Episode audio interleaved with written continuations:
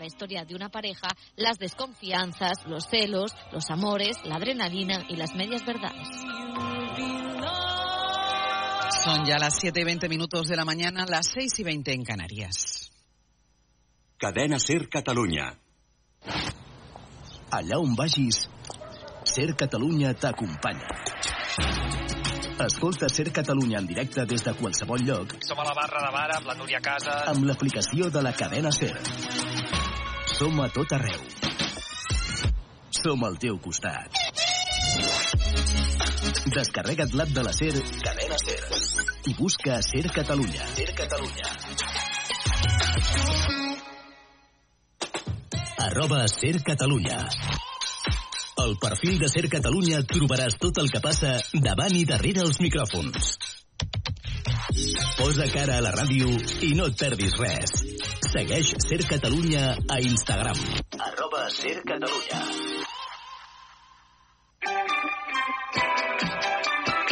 Ser Catalunya. La força de la conversa.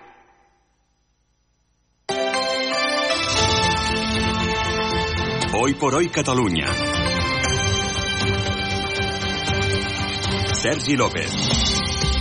Què tal? Molt bon dia. 1.000 tractors, 500 vehicles, uns 2.000 pagesos es van mobilitzar ahir en diversos punts clau del país. Avui tornen amb l'objectiu de continuar denunciant la competència deslleial que a judici dels pagesos suposen els productes que no compleixen els estàndards europeus. A aquesta hora del matí hi ha mobilitzacions al Port de Tarragona, a l'AP7 i a la Nacional 2 a Puntós. De fet, les dues vies estan tallades. En els tres punts, pagesos i tractors hi han passat la nit mentre esperen, diuen, compromisos ferms de l'administració. Al Port de Tarragona ha des de primera hora l'Eva Hidalgo. Quina és la situació a aquesta hora, Eva? Un parell de fogueres escalfen a hores d'ara l'ambient pels que ja s'han llevat. Un centenar de persones s'han quedat a passar la nit i la resta ahir van marxar, sobretot els que venien de les Terres de l'Ebre, del sud de la demarcació. Desenes de tractors, agrupats en tres files, tallen l'A27 a aquest punt d'accés davant de les barreres del port. La seva intenció és aixecar la protesta a les 10, quedar-se fins a aquella hora, quan faci 24 hores, però volen definir més mobilitzacions per més endavant. Tot plegat ho decidiran en una assemblea d'aquí una estona. Avui serà un dia complicat a les carreteres, per tant, moment per connectar amb el RAC i actualitzar la informació del trànsit. Alex Huguet, bon dia. Molt bon dia. Continuen tallats els trams de la demarcació de Girona i Tarragona per les mobilitzacions d'aquests dies a l'AP7 entre Montagut i Vilamorell, l'N2 en tot el tram d'Orriols o l'A27 a Tarragona. Per tant, en aquest port que s'espera que es torni a omplir avui en direcció a Valls. Pel que fa a les retencions habituals a l'àrea metropolitana, destaquem ja una incidència a la ronda litoral al tram del Poble Nou en sentit sud, que per ara provoca molta congestió durant 4 quilòmetres des de Sant Adrià. La B20 també registra 3 quilòmetres de cues des de Santa Coloma fins a Canyelles i altres vies comencen a registrar també retencions com la B23 des de Molins, l'A2 des de Sant Joan d'Espí o la C58 des de Montcada, tot cap a Barcelona i a la C58 també en sentit nord a Ripollet. És tot des del RAC. Bon dia. I pel que fa al temps, com està l'ambient, Jordi Carbó? Ambient tan sols una mica fred a aquesta hora del matí, però tinguem present que la tarda de fred res, ambient força suau. Ara tenim 9 graus en posta, 8 a Vilanova i la Geltrú, 6 a Banyoles, 5 a Mollerussa.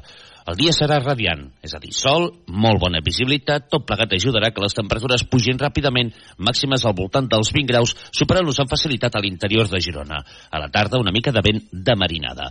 I demà cada cop més núvols, aquests però no deixarà més que algunes gotellades i les temperatures es mantindran tan altes com avui.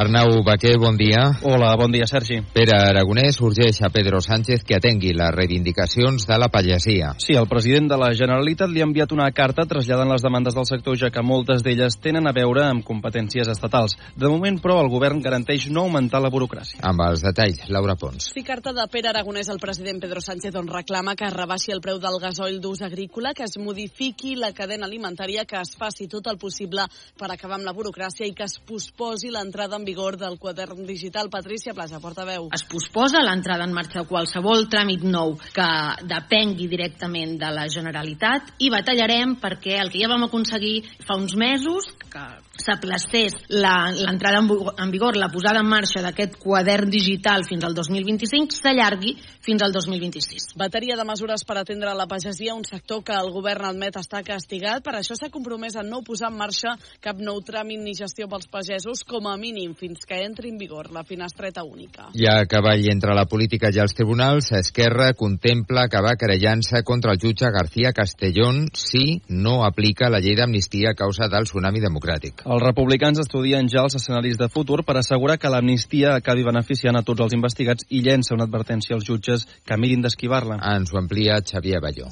Esquerra planifica ja com assegurar que l'amnistia s'apliqui un cop sigui aprovada i llença un advertiment als jutges que hipotèticament puguin posar-hi pals a les rodes. El partit té en ment possibles recusacions, però també una possible querella per prevaricació, ho suggeria Marta Rovira a l'entrevista a l'Aquí Catalunya. La causa del tsunami democràtic ha de quedar tancada per la llei d'amnistia. Llavors, eh, escolti'm, haurem de passar comptes amb aquells jutges que ja fa, fa massa temps que no apliquen les lleis com han de ser aplicades. Doncs que potser també ells estan cometent algun delicte de prevaricació. Escenaris oberts que s'aniran desplegant segons com avancin els esdeveniments. De moment, Esquerra vol assegurar l'aprovació de l'amnistia a finals d'aquest mes. Hoy por hoy Catalunya. Carles Causó, bon dia. Hola, bon dia, Sergi. L'informe del grup de treball sobre l'impacte de la Covid-19 a les residències admet que es van produir errors, tot i que no exigeix responsabilitats a cap dels dirigents que estaven al capdavant de les conselleries de Drets Socials i Salut.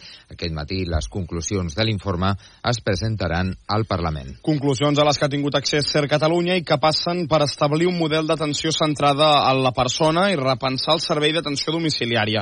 Document que també recull que es necessita més coordinació entre el sistema social i sanitari, més reconeixement de les víctimes, però també dels professionals i un millor, i un millor sistema d'inspecció de les residències, a més d'exigir que es compleixi la llei de dependència. Aquestes són algunes de les conclusions del grup de treball d'anàlisi de l'impacte de la Covid-19 a les residències. Conclusions que tiraran endavant amb els vots del PSC, Esquerra i Junts, Comuns i la CUP asseguren que són conclusions fluixes, poc valentes. També ho pensen des de la coordinadora de la residència 5 més 1, que per cert protestaran aquest matí a les portes del Parlament perquè creuen que les conclusions, diuen, són una vergonya. I avui pren possessió la nova promoció de jutges a Espanya. Són 160 homes i dones i d'aquests només 14 són catalans. Això vol dir que mentre Catalunya té un 16% de la població espanyola, només aporta el 8% dels jutges. Martí Rodríguez. Catalunya és la tercera comunitat d'Espanya amb més població per la cinquena que aporta més jutges a aquesta nova promoció. Andalusia, Madrid, Castella i Lleó i València en tenen més que Catalunya, que en té 14, només un més que els que aporta Galícia i tres més que els que aporta Aragó. Segons les dades oficials, el perfil mitjà d'aquesta nova promoció de la magistratura és el d'una dona de 28 anys que ha dedicat 5 anys a estudiar l'oposició i que no té cap familiar jutge. De fet, un 75% dels nous jutges afirma que no té cap familiar que hagi estudiat dret. La nova promoció rebrà el seu primer destí destí en un acte institucional celebrat avui a Barcelona que comptarà amb la presència del rei Felip. La missió d'eurodiputats que va visitar Catalunya per analitzar el model d'immersió lingüística a les escoles creu que català i castellà haurien de tenir un tracte equivalent a les aules. Sí, però fons del govern asseguren que aquest informe no és objectiu i que forma part d'un teatre organitzat per PP i Vox que estan utilitzant en benefici propi, diuen les institucions europees. També entitats com Òmnium o Plataforma per la Llengua o les federacions d'associacions de famílies coincideixen en dir que les conclusions de la missió no són imparcials. I Arnau, què més diu l'informe? L'esborrany de conclusions que ha fet el grup i que es debatrà avui a la Comissió de Peticions recomana també que es permeti que els alumnes amb necessitats especials estudiïn en la seva llengua materna sempre que sigui un dels idiomes oficials i que les escoles per sistema facin les seves eh, comunicacions tant en català com en castellà. També retreu al govern de la Generalitat que no dialogui amb les famílies que demanen més castellà a les aules i mostra la seva preocupació perquè la sentència que imposava un 25% de castellà a totes les aules no s'estigui aplicant.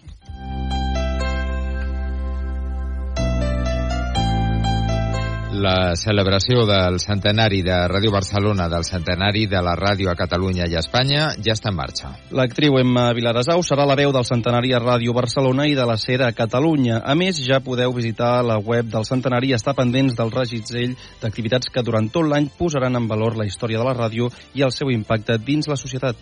El tret de sortida és la gala, que es farà aquest vespre al Museu Nacional d'Art de Catalunya. Sí, la gala del centenari la conduirà Andreu Buenafuente i seran algunes de les veus més conegudes de la ràdio. Serà la primera d'un seguit d'activitats per commemorar el centenari de Ràdio Barcelona. Més coses. Des d'ara i fins a finals d'any, l'antena de la SER i de SER Catalunya anirà farcida de continguts que parlaran de la ràdio, de les històries de la ràdio. Per exemple, hi haurà una sèrie d'espais creats per l'historiador Xavier Carmeniu. I també aquest centenari anireu sentint molt aquesta sintonia. És la sintonia del centenari amb la que arribem a dos quarts de vuit.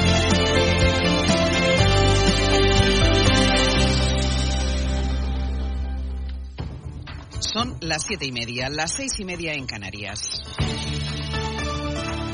Hoy por hoy, con Ángeles Barceló.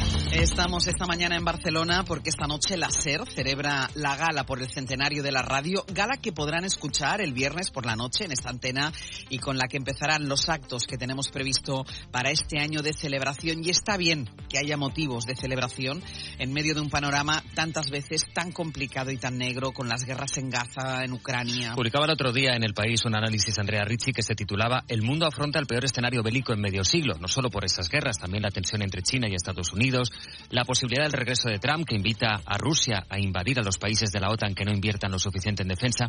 En fin, en vista del panorama, que está bien que no falten esos motivos de celebración o de humor, que ha sido siempre una especie de mecanismo de defensa. Bueno, es que de hecho el humor ha sido clave en la supervivencia, de eso les vamos a hablar, porque un estudio ha constatado el origen de la ironía. Y las bromas y las burlas aparecieron hace 13 millones de años. Javier Ruiz Martínez. El ser humano es un primate homínido. Dentro de esta familia